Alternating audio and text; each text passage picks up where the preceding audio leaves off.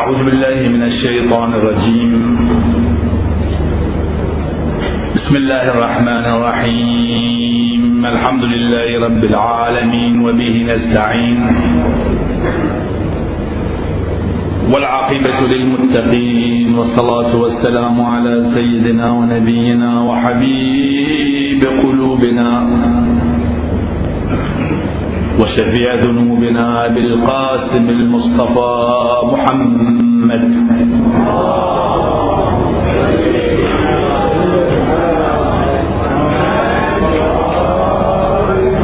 صلى الله عليه وعلى أهل بيته الطيبين الطاهرين المعصومين الهداة المهديين. واللعن الدائم على أعدائهم أعداء الدين. قال تعالى في محكم كتابه ومبرم خطابه. أعوذ بالله من الشيطان الرجيم. يا بني اذهبوا فتحسسوا من يوسف وأخيه. ولا تيأسوا من روح الله. إنه لا ييأس من روح الله إلا القوم الكافرون. ندعو الله سبحانه وتعالى أن ينور قلوبنا بنور الإيمان ومحبة أهل البيت عليهم السلام وأن يوفقنا لمراضيه بحق الصلاة على محمد وآل محمد.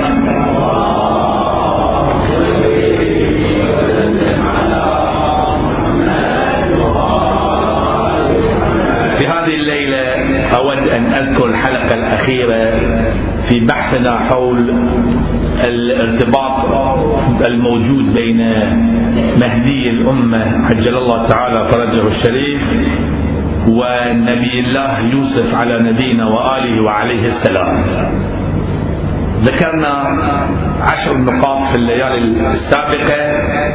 بقيت أيضا نقاط لطيفة لابد أن نذكرها. أول نقطة في هذه الليلة نذكرها يعني رقم 11 المؤامرة. مؤامرة كانت ضد الحجة سلام الله عليه. نفس ما كانت المؤامرة ضد يوسف على نبينا وآله وعليه السلام. يعني خطة دقيقة. اجتمعوا وأجمعوا أن يجعلوه في غيابة الجب وهم كانوا إخوانا.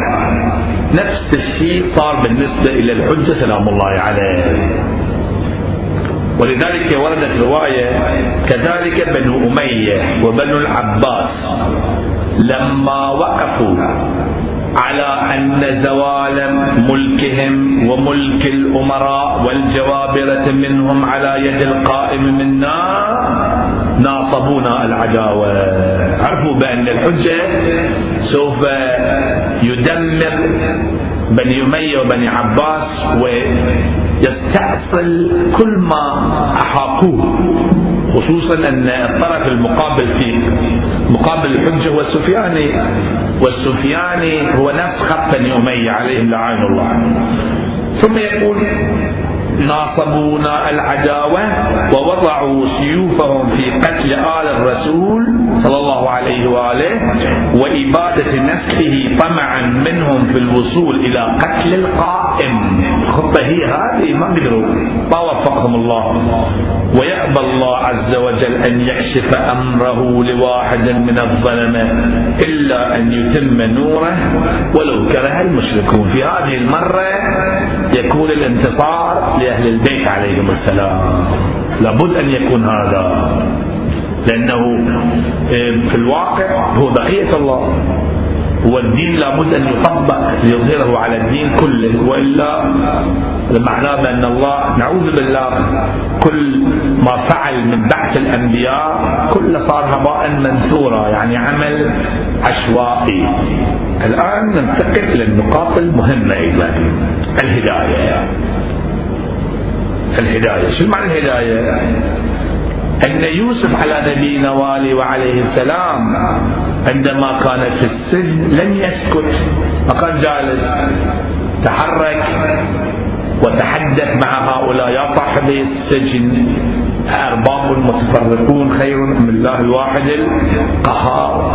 ما تعبدون من دون الله إلا أسماء سميتموها أنتم وآباؤكم. فهدى هؤلاء. زين. رغم أنه كان في السجن. أعتقد أنا بأن يوسف غيرهم يعني غير عقيدة الشخصين اللي كانوا في السجن. عندي دليل على ذلك. ولكن أحدهما في الواقع المفروض أن يقتل هي قضاء الله سبحانه وتعالى قضي الأمر الذي فيه تستفتيان. والثاني يرجع إلى عمله ويوسف وصاه بأنه يبقى في عمله عند الملك ملك مصر حتى الخطة تنجح ويتمكن يوسف من القضاء على عزيز مصر والسيطرة على الأمور ومن ثم نشر العقيدة الدينية بينهم وهذا ما حصل. يوسف كان في السجن. هدى هدى هذا الشخص اهتدى. يعني ما بقي هؤلاء على عقيدتهم السابقة. فأحدهم مضى شهيد. والثاني هو اللي خطط لإرجاع لأخذ يوسف إلى السلطة. دققوا في هذه النقطة. ولا تستغرب. يعني بعض الأحيان واحد يقول بأنه زين يوسف بعظمته وشخص واحد. كما يقولون واحد كألف كآلاف مو كألف. بعض الأحيان تشوف في بلد شخص واحد شخص هذا الشخص يغير المجتمع كامل. الان حيدراباد اللي فيه الشيعة. اثنين تجار إيرانيين رايحين هناك كل الشيعة من هؤلاء. لبنان بعظمته. الشيعة الموجودين كلهم ببركة شخص واحد أبو ذر الغفاري. كل لبنان. في جبال الصين هناك مجموعات شيعية قوية. تجار رايحين تاجر رايح هناك مغير. في فلبين في تايلاند في حتى في تايلاند. واحد ينقل قصص عجيبة وغريبة الشيعة من وين يقول والله واحد كان جاي هناك تجارة وبخل هناك المفروض الإنسان يكون مبارك وجعلني مباركا أينما كنت. مو تروح بلدة وتروح هناك تسافر قاعد تدرس وترجع. لا حاول تغير. نواة هاي النواة لها تأثير قوي في المستقبل. واللي يصير بعدين كله أجر وثواب لك أنت. هكذا. فيوسف على نبينا والي وعليه السلام أسس حركة مثل ما أسس موسى. موسى نفس الشيء. موسى كان عنده واحد بس شخص واحد اللي كان صديق موسى صديق موسى. وعنده واحد عدوه بيتهاوشون فموسى دافع عن صديقه. ضرب ضربه وقضى عليه. يوسف على نبينا والي عليه السلام تمكن وهو في السجن أن يهدي هؤلاء. أرباب المتفرقون خير أم الله الواحد القهار. ما تعبدون من دون الله إلا أسماء سميتموها أنتم وآباؤكم. ما أنزل الله بها من سلطان. الحكم إلا لله. شيء لطيفة أمر أن لا نعبد إلا إياه. ذلك الدين القيم. ولكن أكثر الناس لا يعلمون. يا صاحبي السجن. نعم. أما أحدكما فيسقي ربه خمرا. ربه يعني الملك. طبعا ليش قال ربه؟ ربك هاي بحث طويل وعريض. وأما الآخر فيصلب قضي الامر الذي فيه تستفتيان. أنا كاتب شاكر سوره يوسف بالتفصيل. وهي سوره يوسف إن شاء الله بس فيلم مسلسل. خلي صور في الجمهورية الإسلامية. مسلسل جدا جميل. أنا طالعت هناك. قبل ان يعني قبل سنتين ثلاث سنوات ذهبت هناك وشفت شلون جاي يمثلون جدا جميل جدا. وقصة يوسف لها علاقة كما قلت بالحجة سلام الله عليه. وتعبوا تعب شديد. بين قوم طهران هناك في منطقة للأفلام. مسوي كل شيء. يعني شغل. والمخرج هو اسمه أغاي سلحشور من المخرجين الجيدين. نعم. والشاهد أنه آه، الهداية ما يشترط واحد إلا يكون يصعد المنبر. لا ولتكن منكم أمة يدعون إلى الخير ويأمرون بالمعروف وينهون عن المنكر. رب إنسان يهدي شخص ثاني والشخص هذا يهدي الباقي وهكذا.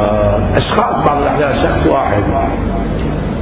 نعم أنا كنت في مشهد رضا سلام الله عليه قبل شهر رمضان إجا واحد عندي كان إيراني بس أمة أمريكية وزوجته أمريكية وأبوه إيراني فاسق. كان مسيحي مسيحي كان عمره تقريبا حوالي 25 سنة تو متزوج. فإيش عندي أنا قال لي أبي أتعلم الصلاة وأتعلم الصوم بصوم شلون انت؟ قال أنا صار لي 48 ساعة صرت مسلم. شيعي صرت هو؟ قال الشيخ الفلاني تكلم معي كلمتين. خلاص عرفت الحق مع هالخط ورحت للإمام رضا سلام الله عليه وتبت كذا. الشيخ الفلاني. الحين شنو؟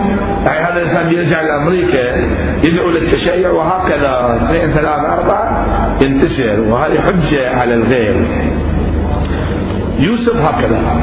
الحجة سلام الله عليه في غيبته يهدي الناس بس بطريقة فنية. نعم مثل ما كان غائب يوسف غائب عن أبيه وعن إخوانه وفي نفس الوقت يعمل على حسب التكليف الذي على عاتقه ولذلك الحجة تارة هو يمشي وأخرى يقول ما بالكم لا ترجعون إلى أبي جعفر محمد بن عثمان العمري فتسألونه عن ذلك فيوضح لكم الحق فيه فإن الطريق إلى صاحب الأمر هو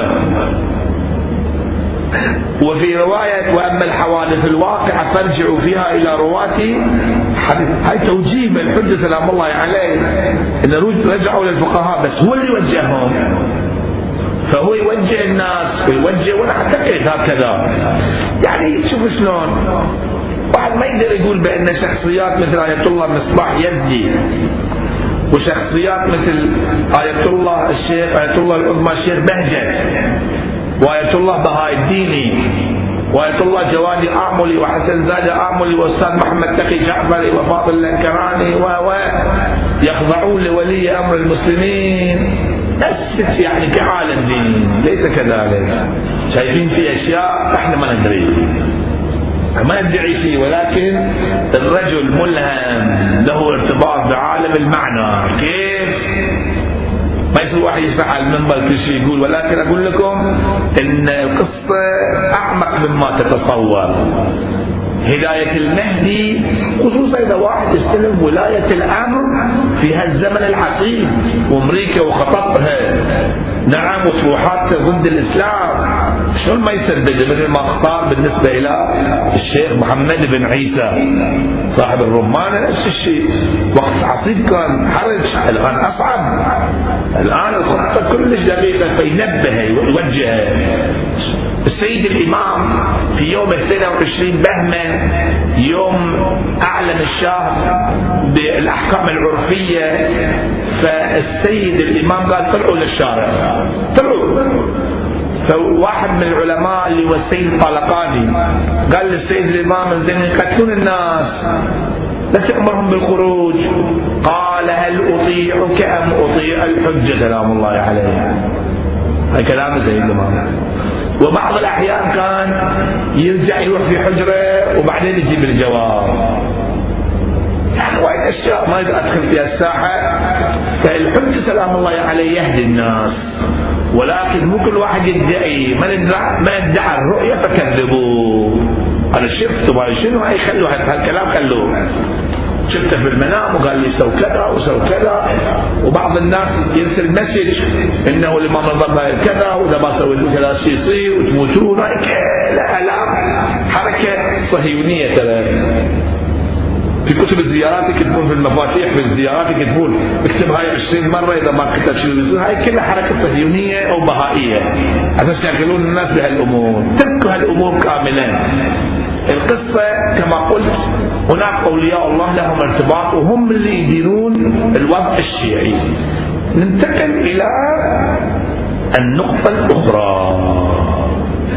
وهذه النقطة حساسة جدا الحاجة الحاجة والفقر.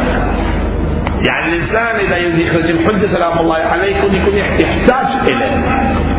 ويحس بالاضطرار النقطة اللي بعدها إنه هو الملجأ الوحيد ماكو طريق ثاني. مو بس محتاج ماكو حل. لازم توصل إلى النتيجة إحنا ما وصلنا. إحنا إلى الآن بلا تشبيه طبعا ما شبه ابن نوح. يقول سآوي إلى جبل يعصمني من الماء. سآوي إلى أمريكا. سآوي إلى إسرائيل. العرب هكذا. هم يحلون مشكلتنا. حتى بعض المتدينين عقليته كلش يعني مغسولة يقول بدون أمريكا ما يصير. يا شيخ شو تقول أنت؟ ما تعرف الدنيا أنت عن الدنيا ما بيصير مستحيل. الامام قال يصير. إحنا لو وصلنا إلى مستوى عرفنا بأن الحل الوحيد لمشكلتنا ظهور المهدي عجل الله تعالى فرجه الشريف هو يخرج إن شاء الله. بس ما وصلنا مثل آه إخوان يوسف شافوا ماكو حل إلا يروحوا إلى مصر. عندهم مشكلة. يا أيها العزيز. نعم.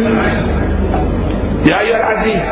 قالوا بأنه جئنا ببضاعة مزجات فتصدق علينا وأوفي لنا الكيل. تصدق علينا. إنا نراك من المحسنين. وصلوا لهالمستوى بالضبط إحنا لازم نوصل لمستوى اللي حل مشكلتنا بالحجة. ولهذا ورد أمن يجيب المضطر إذا دعاه ويكشف السوء بعدها. ويجعلكم خلفاء الأرض الآية وردت في قصة المهدي سلام الله عليه. إذا حسيت بالاضطرار هو مضطر. هو يدعو. اين المضطر الذي يجاب دعا وانت حسيت بالاضطرار السوء ينكشف. وصرت خليفة بالآية واجعلنا للمتقين إماما. ولذلك ورد أكثر الدعاء بتعجيل الفرج. أكثر الدعاء بتعجيل الفرج وهو إذا حس أن أنتم واقعا تحتاجون له بيجي أما إذا حس ما تحتاجون له ليش يجي؟ تحاربونه ما يصير بعض الناس يمكن يحاربونه. لك عنده ولهذا 313 نفر يكونون من مجموعة مخلصة وتحس إن الحل بيده سلام الله عليه. ولا طريق آخر. أتذكر الشيخ الفلسفي اللي هو خطيب معروف رحمة الله عليه كان يقول إذا صارت حرب عالمية ثالثة هو يقول هكذا وذهب ثلث الناس وبقى الثلث. الثلث يقولون لا نبي حل خلاص. لا أمريكا تحل مشكلتنا. ولا روسيا ولا الصين ولا ولا. في تلك اللحظة يطلبون طلب حثيث فيخرج ولي الله الأعظم لحل مشكلتهم. واضح زين النقطة الأخرى وهذه أيضا من النقاط المهمة قضية وصال المعشوق الوصال. الوصال شنو معناه؟ في قصة يوسف الناس كانوا على قسمين. قسم يطلبون الكيل. يعني يلحق يوسف شنو؟ يبي منا شنو؟ يتصدق عليه تصدق عليه. نعطنا ياكل ناكل وأوفي لنا الكيل. هاي مجموعة. ومجموعة ثانية. لا. يبون يوسف بس ما يبغون حق المادة يبغون حق نفسه. متى ترانا؟ ونراك. يريدونه هو هو من أجله. هاي لازم نوصل إحنا لهالمستوى من هو يعقوب؟ يعقوب يقول يا بني اذهبوا وتحسسوا من يوسف وأخيه. ولا تيأسوا من روح الله روحوا يوسف. إني لأجل ريح يوسف. إحنا لازم نفكر في الحجة لأجله. ننظر إلى وجهه. نستكمل به الكرامة عندك خلاص انتهى إذا توصلت له. رأيت هذا الوجه النوراني خلاص. طبعا يعني رؤية الحجة كل شيء. قسم لا يكون من القسم الأول. اللي دائما يفكر في القضايا المادية. وفي البركات الدنيوية الظاهرية لا لا لا لا تكون من القسم الثاني المخلصين. هنا أريد أبين لك بالمناسبة قلت بأنه يوسف على نبينا وآله وعليه السلام تمكن من هداية الطرفين شخصين مو؟ اللي كانوا معاه في السجن. واحد منهم أعدم. خلاص بعد. اعدم لأن شاف رؤيا المفروض ما يقول. بعض الرؤيا إذا واحد قال لك الرؤيا لا تفسر تفسير غلط. إذا فسرت تفسير غلط يمكن يأثر ترى. ولذلك رؤيا مخيفة. لا تقول حاجة أي واحد يقول حق عالم. حتى يفسر لك. إذا شخص قال والله بتموت يمكن تموت. حقيقة. يعني تأثير ترى. ولذلك إيه هذا الإنسان كان كذاب ما شاف في المنام شيء. هذا الشخص. هاي بالبداية أول ما دخل يوسف ما عنده شغل. إنسان فارغ في السجن. يتكلموا مع بعض يلا أي شيء. يوم شاف ذاك قال له رؤيا إني رأيت نعم أعصر خمرا ذاك قال اني نعم رأيت شنو؟ احمل فوق رأسي. خبزة من نفسه قال فتأكل الطير من طلع خلاص. واما احدكما فيصلب فتأكل الطير من يعني تفسير إنه الطير يجي ياكل من شنو؟ من مخه. يصلب بعد مدة. بقى شنو؟ هاي الواحد هذا راح عند الملك. ذهب هناك في في أيوان الملك. تصور والآن في مصر كان ملك موجود وكان عزيز مصر عزيز يعني رئيس الوزراء. الملك كان شكلي له شكل بقى له دور. مثل ملكة آه، آه، إنجلترا بريطانيا. ما لها دور. بس تروح يومي تطلع تمشي تروح وكذا. وتأخذ فلوس بتاعك وتشرب ما لها دور. زين. فاللي له دور منهم عزيز مصر العزيز يعني العز وزير يعني رئيس وزراء يعني العز. للشأن على أساس شأن ظاهري اللي ما يلاقيه وهو اللي قرر. فالملك شنو شاف في المنام؟ شاف شاف رؤية عجيبة. إني أرى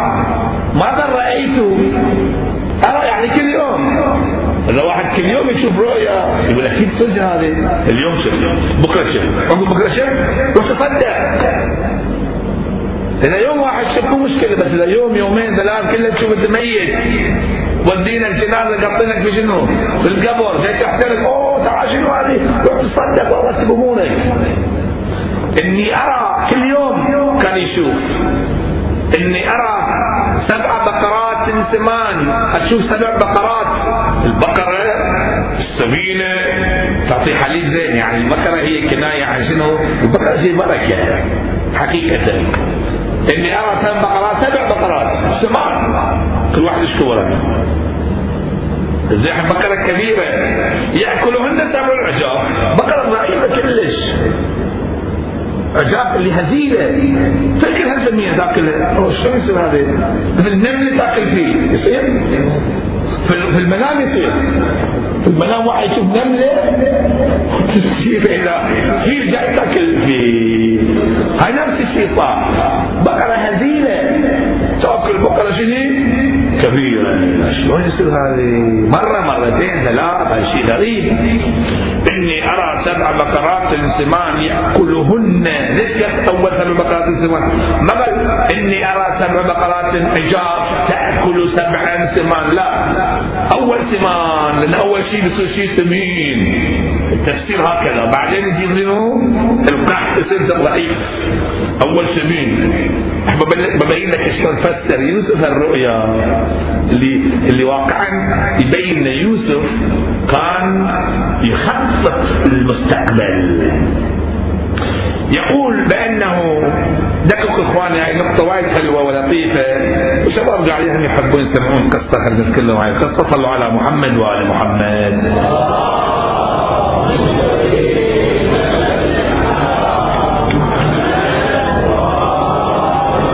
إني أرى سبع بقرات سمان يأكلهن سبع عجاب وبعد وسبع سنبلات خضر سنبلة. اللي فيه حتى خضر يعني في الواقع مثل سمينة يعني ناضجة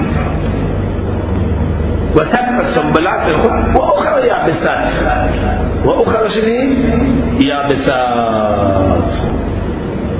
زي راح يصير الملك متحير. يبين في تلك الأيام الناس كانوا يهتمون بالرؤيا. ولهذا معجزة يوسف صارت رؤيا. مثل زمن النبي الناس يهتمون بالشيء معجزة النبي القرآن.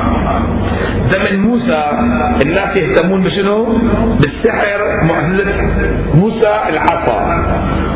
هنا يا أيها الملأ شو معنى الملأ؟ الملأ اللي يملأ العين. يعني سواد الناس اللي ما لهم قيمة. همج الرعاة.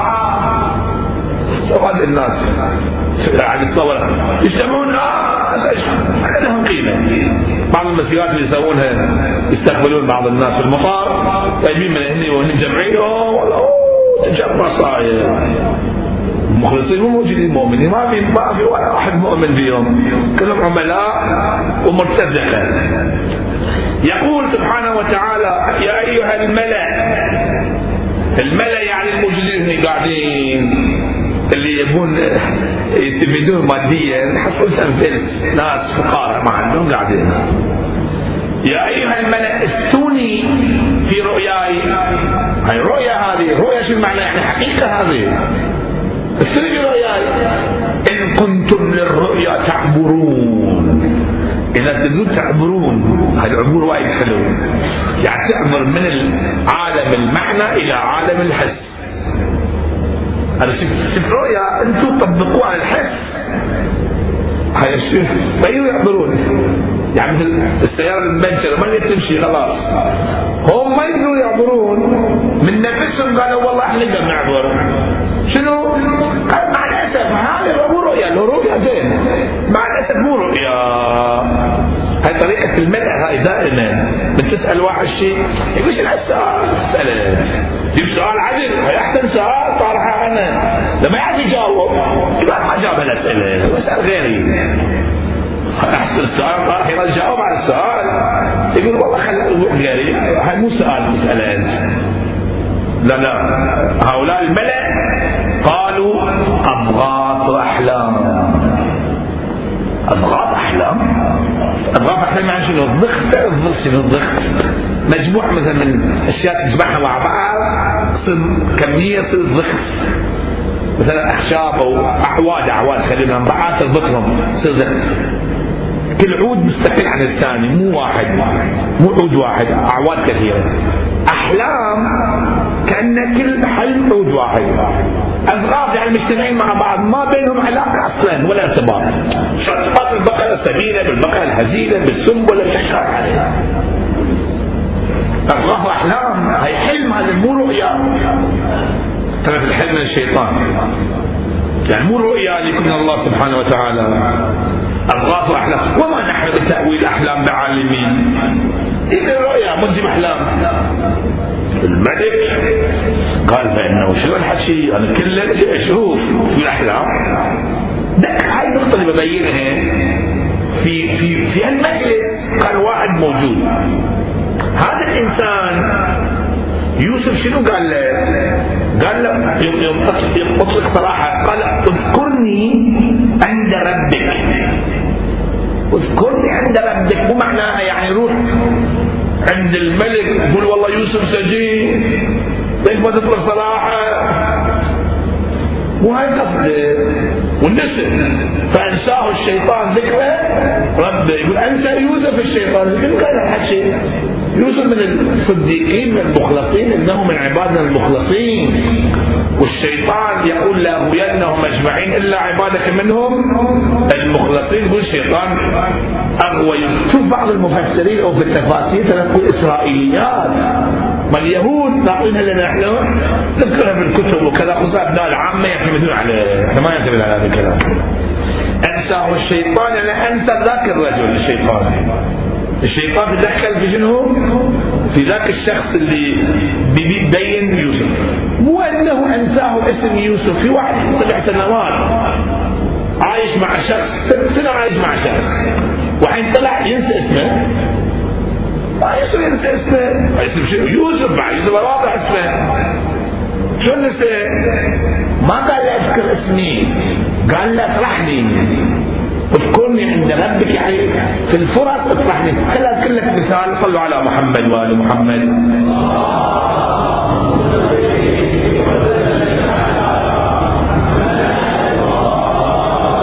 في شخص متخصص عنده شهادة في الكمبيوتر.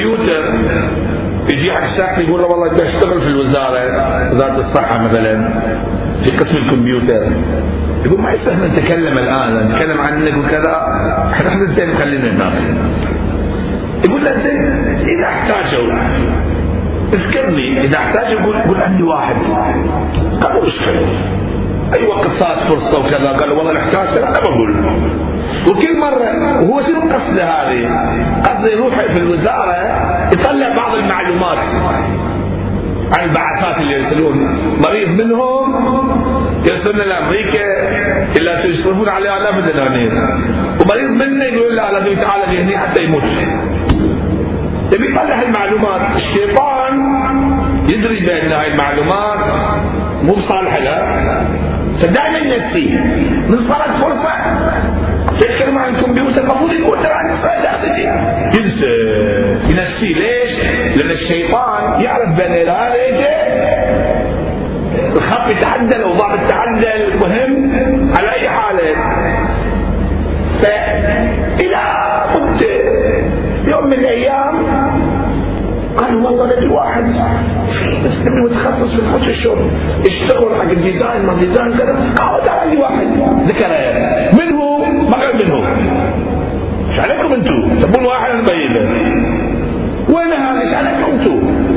أنا بينه نفس الشيء صار بالنسبة ليوسف. وقال الملك إني أرى سبع بقرات سمان يأكلهن سبع عجام وسبع سنبلات خض وأخرى يابسات. يا أيها الملأ افتوني في رؤياي إن كنتم للرؤيا تعبون قالوا اضغاث أحلام وما نحن بتأويل أحلام. بعالمين وقال الذي نجا منهما. والذكر يعني ذكر إذ ذكر الذكر يعني تذكر. بعد أمة أنسى الشيطان الشيطان تدخل بالموضوع لأن القصة فيها ثورة في رئاسة يوسف في تغيير الحكم. ولهذا الشيطان تدخل. والذكر بعد أمة.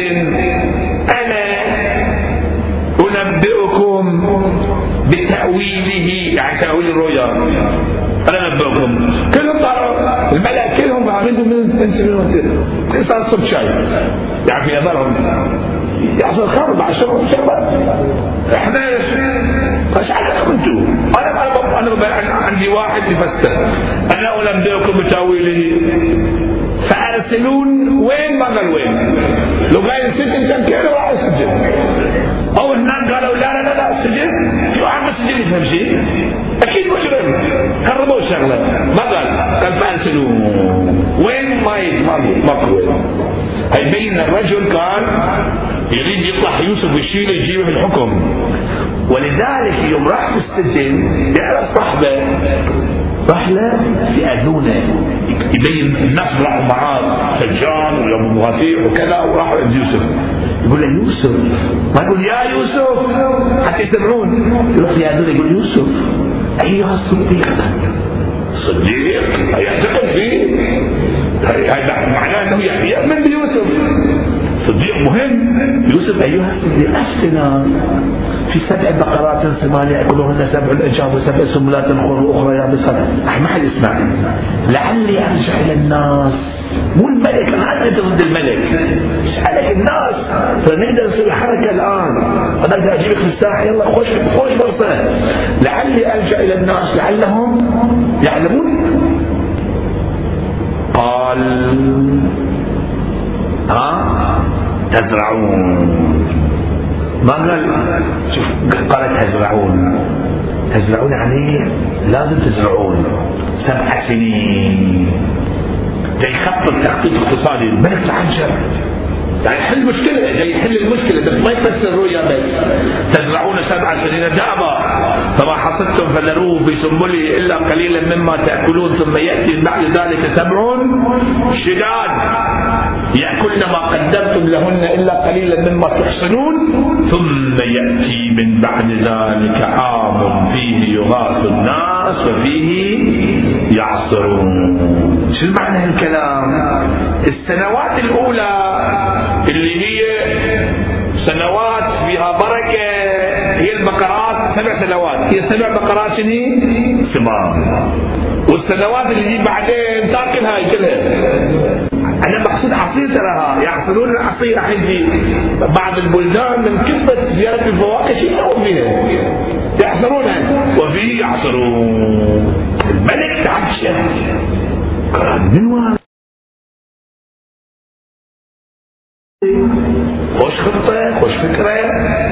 ائتوني به خليجي. قال ما باجي أنا. أول لازم تسأل ما بال النسوة اللاتي قطعن ايديهن خلى حد مشكلتي اول غطيني في السجن. المهم تصل إلى ان وصل. إلى الحكم الملك. خلاه وخلاه حاكم. هو اللي خلاه شنو؟ حاكم. وسيطر على مصر كاملا وكذلك مكنا ليوسف.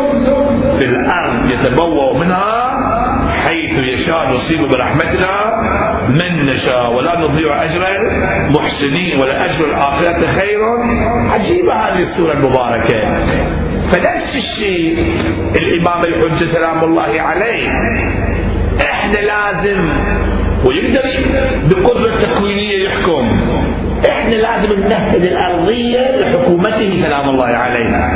اللي يمهد الأرضية هو اللي يمثل ذاك الشخص. الجمهورية الإسلامية المباركة. حزب الله لبنان. شباب المؤمنين. هاي كلهم جاي يمثلون ذاك الشخص اللي كان في المجلس مجلس الملك. يبغوا يسحبون الحجة إحنا نخطط الآن تخطيط كامل للناس كلهم يقولون تعال ماكو حل إلا أن نلتجئ لولي الله الأعظم. أرواحنا فداء أنا قبل آه، الثورة الإسلامية كنت في إيران وبعد الثورة أيضا.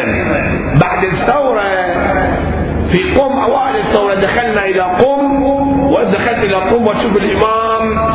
جاي يلقي كلمة في المدرسة الفيضية. لكن اليوم كان عمري 20 سنة. أو 19 سنة. يلقي كلمة جاي يقول هنوز قاعدنا هذا قشاش سيد الإمام. يعني الآن في قطاع طرق في الطريق. أتذكر. هنوز رايز دانها رايز دانها لكن يعني إلى الآن بالكمين متصورون ان كل شيء انتهى. ذيك الأيام؟ ذهبنا إلى مسجد جمكران تعرفون مسجد جمكران وين؟ في قم المقدسة مسجد صاحب الزمان. اللي كانوا يحضرون في مسجد جمكران يقرون صلاة الحجة اللي فيها 100 مرة إياك نعبد وإياك نستعينكوها ركعتين. صلاة الحجة أصلي ركعتين صلاة الحجة قول الله تعالى. حمد من توصل إياك نعبد. بعدين في السجدة في الركوع. موجودة في المفاتيح سبع مرات بالتسبيح إلى آخره اللي كانوا موجودين 10 15 ليش لا الأربعين 40 أربعة. 40 أربعة إذا تروح تشوف الحجة سلام الله عليه سواء عرفت أو ما عرفت. حتى الكوفة نفس الشيء حتى السهلة بس السهلة. المهم 20 30 40 واحد ينتظروا الحجة. الآن انتصرت الثورة. صحيح. روح أرجوك إذا رحتم روح ليلة الأربعاء مسجد صاحب الزمان. مسجد جنكران أنا رحت من تدخل كأن عرفة. عرفة شايفين عرفة شلون؟ سيارات شباب يعين 13 14 15 عسكو جاب من وين جاي؟ يقول من سمنان كم ساعة؟ ست ساعات. طريق. يقول كل أربعة ناجي ليش؟ أشوف الحجة. من اصفهان من طهران شوف هاي الثورة هيئت الأرضية لظهور الحجة. سلام الله عليه. وتشوف الحين الناس مشتاقين. كلكم مشتاقين من جلس كلام الحجة اشتياق أكون ولهذا أخواني وأخواتي اهتموا بالباعة المنبه إحنا عندنا دعاء نجمة مركزي دائما في الشهرين مرة واحدة في أمير زين نروح هناك. اجتمعوا هناك اجتمعوا مع بعض مثل مهدية طهران. شلون يجتمعون؟ ركزوا على دعاء دعاء النسبة. اطلبوا من الله سبحانه وتعالى والدعاء يكون مستجاب إن شاء الله. نحن نكون من جنود الحج. سلام الله عليه. الليلة أنا أحب أن أذكر من يحبه الحجة حبا جما من هو هو أبو الفضل عباس سلام الله عليه. أبو الفضل عظيم دافع في سبيل الإمام الحسين سلام الله عليه. وضحى بما لديه في سبيل الحسين. الإمام الحسين كان يحارب ولكن ما كان يقتل كثير. ليش؟ لأن الإمام الحسين كان يعلم ما في صلب هؤلاء. بعض الأحيان تراجع. بيظلم ما يظلم. تعرف السيف لمن؟ لا بالفار بالفار كان ظهر الحسين. الآن انكسر الظهر هذا معناه. وقلت حيلتي واشمت بي عدوي خلاص ما أقدر بعد. حسين إمام معصوم. شو آخر شيء خلي السيف في غمده؟ خلاص انتهى. آخر لحظة هكذا صار كما في الروايات. فأبو الفرق كان دعم للإمام الحسين سلام الله عليه. وزينب سلام الله عليها كانت تعتمد على ابن الفضل العباس اعتماد كامل كفيل زينب صاحب الرايه صاحب الرايه شنو معناه في ذلك اليوم وقائد عظيم. قائد. القائد وصل إلى مرحلة بعد ماكو جيش قائد بدون جيش. شطعا فكان يخرج وحده وحده ويقول أنا ابن علي المرتضى والحسين يسمع كلام أبي الفضل العباس. يسمعه. قال طلع مستبشر. وزينب كانت مستبشرة. عندما ترى الحسين يحارب أبو الفضل يحارب يرجعان. تخرج من الخيمة وتنظر إليهما وكأني لها سلام الله عليها. مرات وكرات عندما رأت أبو الفضل العباس سلام الله عليه تبشرت وتبسمت. وحتى في مرة من المرات ذكرت القصة قصة أم البنين زينب تذكر وزواج أمير المؤمنين من أم البنين تذكر في ليلة عاشوراء لأبي الفضل العباس سلام الله عليه. ليلة عظيمة هذه الليلة. كأني بها وهي واقفة على التل. ترى الحسين وترى أبو الفضل قد رجع سالمين سالمين وزينب كانت قد خسرت أبنائها. زينب افتقدت علي الأكبر القاسم كل بقى أبو الفضل عباس فقط. وبقى الإمام الحسين سلام الله عليه إخوانا بالفضل كلهم قتلوا ألف مرحبا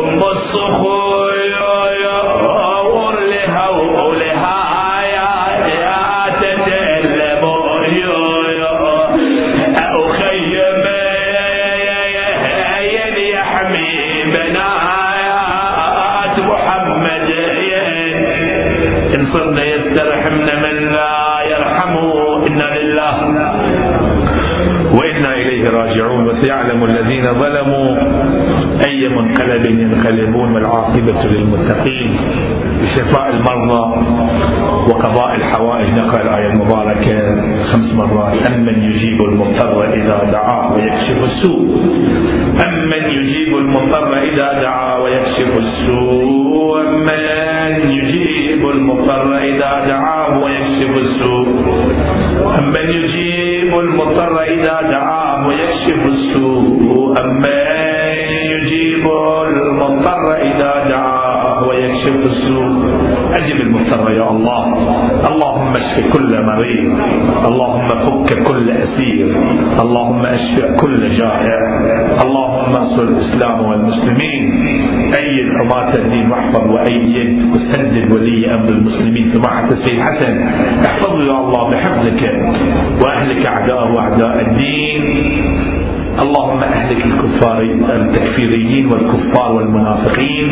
عجل اللهم في فرج مولانا صاحب الزمان إلى أرواح أمواتنا وأمواتكم والشهداء جميعا اموات المؤسسين لهذا المكتب المبارك والحاضرين. ووالدينا وروح إمام الأمة الفاتحة تسبقها الصلاة على محمد وآل محمد.